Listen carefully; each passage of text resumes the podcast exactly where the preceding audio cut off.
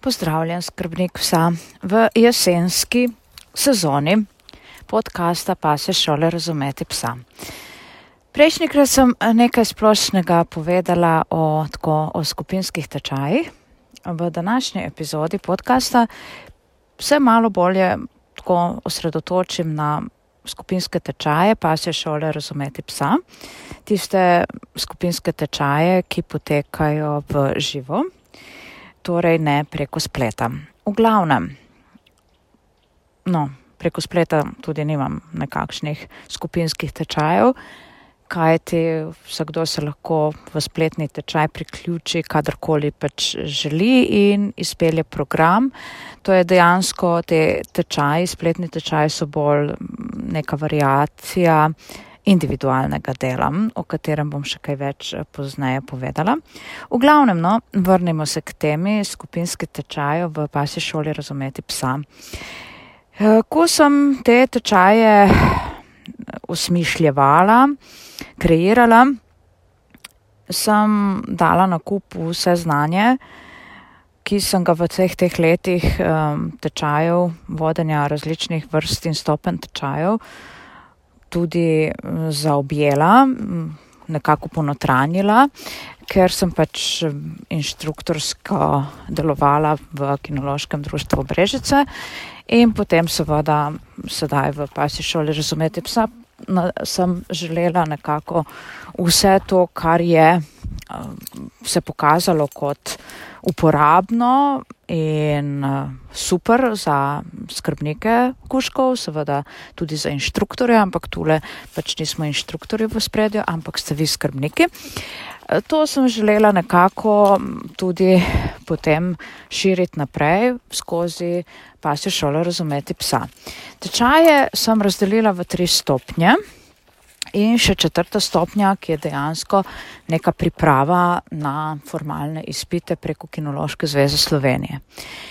Ti, te tri osnovne stopnje so tečaj vzgoje za življenje oziroma mladički. To je nekako programsko podobno podobna zadeva, te, dva, eh, te dve poimenovanji, tako da se bom osredotočila predvsem na skupinski tečaj vzgoje za življenje, ki je nekakšna osnova za vse ostale tečaje. Druga stopnja tečaja sem poimenovala pač eh, tečaj ubogljivosti za življenje in je nadgradnja tečaja vzgoje. In tretji tečaj je tečaj um, šolanega, šolanja za življenje in je seveda najvišja stopnja skupinskega tečaja, na to pa so še ved, seveda je še pač pripravljalnica na izpite preko Kinološke zveze Slovenije. Tako, po izkušnjah že prej eh, iz eh, delovanja v kinološkem društvu sem ugotovila, da se največ skrbnikov seveda odloči za vstop v skupinske tečaje prve stopnje. Zdaj, nekatere eh, pasje šole so tule tako uh, malo uh, razmišljajo v smeri, ne, ne, da, ne dati preveč ne, znanja, ne pokazati preveč veščin, ker potem, če boš ti zdaj na tej prvi stopni vse to ljudem dal, potem ne bo neke motivacije, potrebe tudi ne, za upis v više stopnje tečaja. Lejte, jaz takole nadaljujem, torej na prvi stopnji tečaja dejansko dobiš vse, kar jaz menim, da je pomembno, vse seveda na osnovni ravni, kar je pomembno za res tako neko sproščeno in pa pozitivno življenje z kuškom. Torej, dam na tisti stopnji, v katero si se upisal, torej na osnovni stopnji, tisto, kar le lahko ti dam na tej stopnji. Zato, ker vsega ne moreš dati, vsega nikoli ne moreš dati na prvi stopnji, zato, ker tega je preveč in moraš slediti, pri vzgoji psa moraš slediti njegovemu osebnemu razvoju, razvoju njegovega čustev in pa mentala, kakor tudi telesa. Zato bi bilo nesmiselno, da ti jaz zdaj vse svoje znanje tam šibnem, ne? ampak dobiš pa vse osnove. To pomeni, da ti je razumljivo, kako tvoj pes, kako tvoj pes deluje, kako živi, kako razmišlja, kakšne nagone ima, kaj je potrebno uporabiti, da bo vzgoja potekala v pravo smer. Potem pa, če želiš to nadgraditi, te osnove nadgraditi, se lahko vključuješ v više stopnje tečaja, kot je tečaj ubogljivosti, tečaj uh, šolanja. Ne? Če pa ne želiš, pa imaš vso osnovo, da se to sam nadgrajuješ s pomočjo, ne vem, drugih virov. Recimo, ali se v kako drugo šolo upišeš, ali poiščeš kakšne informacije preko um, družabnih omrežij ali YouTuba, mislim, kakor želiš. Ne? Vse to se da, zato je recimo tudi na mojem YouTube kanalu, pa si šole razumeti psa so nekatere vsebine, ki se ukvarjajo s samim procesom vzgoje, odklenjene, torej si jih lahko ogledaš. Seveda niso pa vse odklenjene, ker so nekatere pač avtorsko dostopne samo za tečajnike eh, spletnih tečajev ali pa ostalih tečajev. Tako, v tečaju, osnovnem tečaju, tečaja vzgoja za življenje, je bil moj cilj, da so znanja res, res, res, ki jih pridobite in tehnike dela uporabne v vašem vsakdanjem življenju. Torej, v tečaju kreiram učne situacije, s katerimi jaz vem po vseh svojih dolgoletnih izkušnjah dela s psi, da se boste z njimi srečevali v realnem življenju.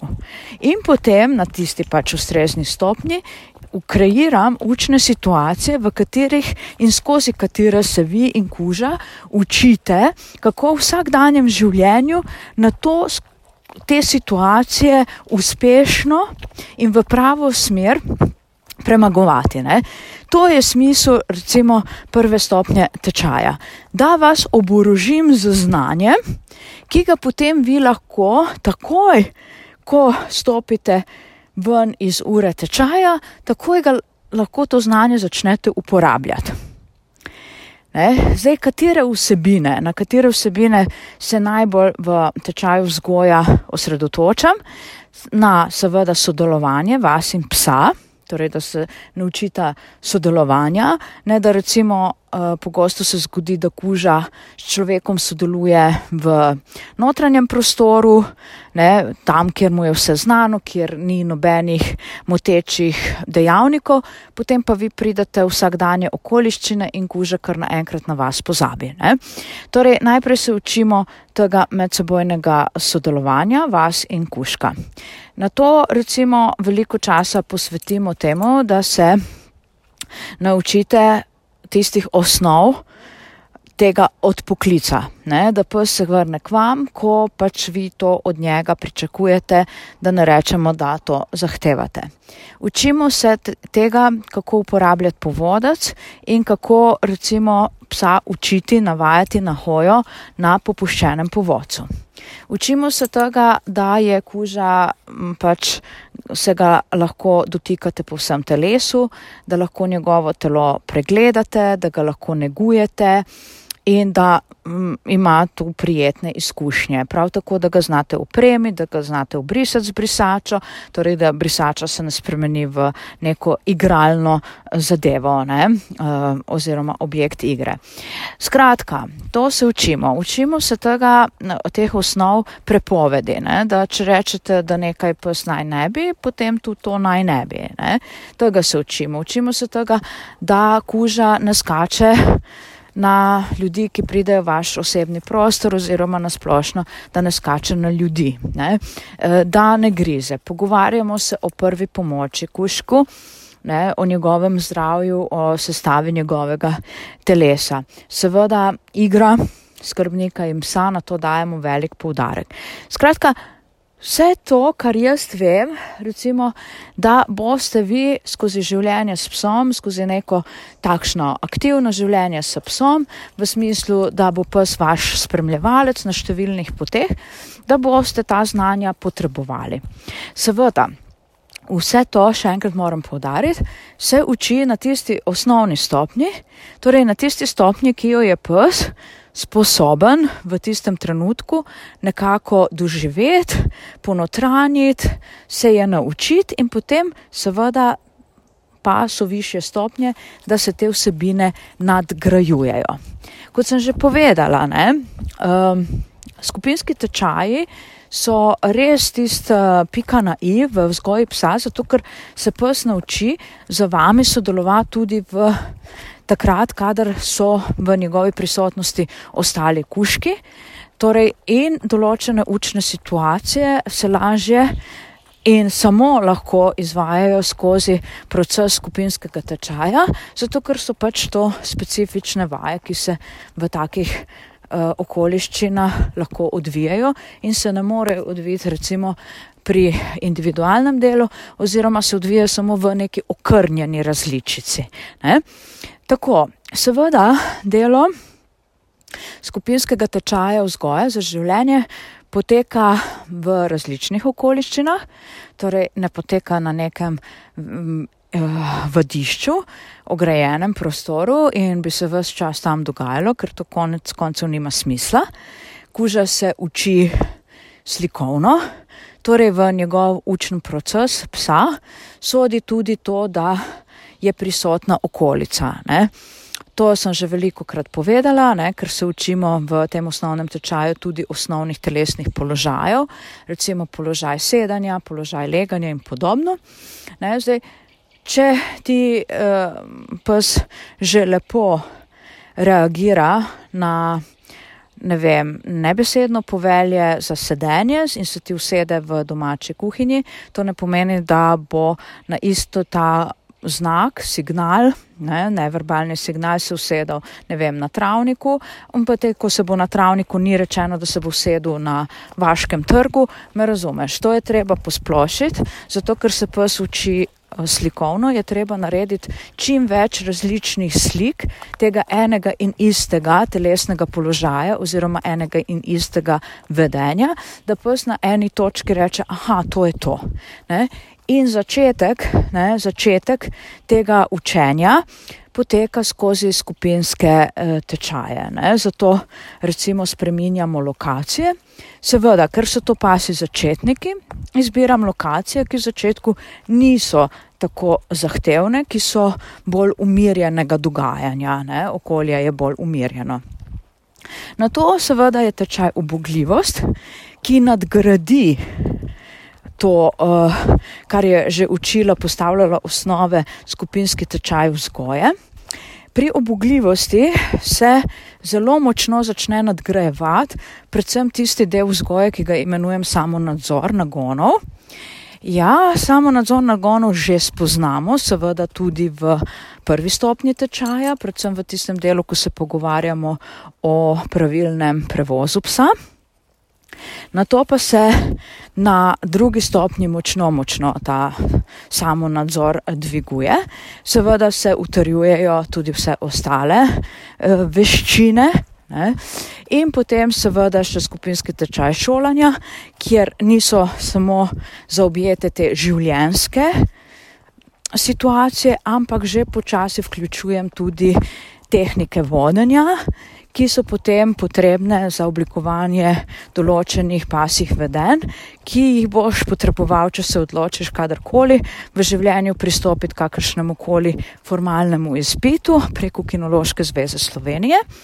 Ne, in seveda boš imel eh, zelo dobre osnove, če se priključiš najvišji stopni tečaja. Potem pa so seveda še priprave na izpite. Ne? To so recimo tašni splošni tečaji pasje šole razumeti psa. Potem pa seveda imam še dva. Res eh, tako imenovana tematska tečaja, tematska skupinska tečaja. To pa sta tečaj od poklic za življenje in uh, tečaj hoje na popuščenem povodcu. Ne. To pa sta tečaja, ki se izvajata v zelo majhnih skupinah, ker so specifična tečaja in se osredotočata res na te dve uh, vedenji, ki pri večini skrbnikov predstavlja ta ti dve vedenji kar precejšen izziv. In tema dvema tečajema, tematskima tečajema, se posvetim v naslednji epizodi podcasta Pase šole razumeti psa. Tako, jaz upam, da kjerkoli me že poslušaš, katerem koli delu Slovenije, da se boš odločil, naredil malo raziskavice, kam se priklopiti s svojim kuškom, v kakšen skupinski eh, tečaj. Tudi če recimo si velik mojster šolanja psa oziroma vzgoje psa, ne, kljub temu ti priporočam to izkušnjo da pes res uh, tudi deluje v okolju, kjer so prisotni drugi psi, da lahko vse to svoje znanje nadgradiš. To ti povem iz izkušenja, jaz sem vedno res vesela, ko svojim psom lahko vstopim v skupinski uh, tečaj in to zaradi tega, ker vem, da je to za mojega psa nekaj uh, pozitivnega. Ne? Tako.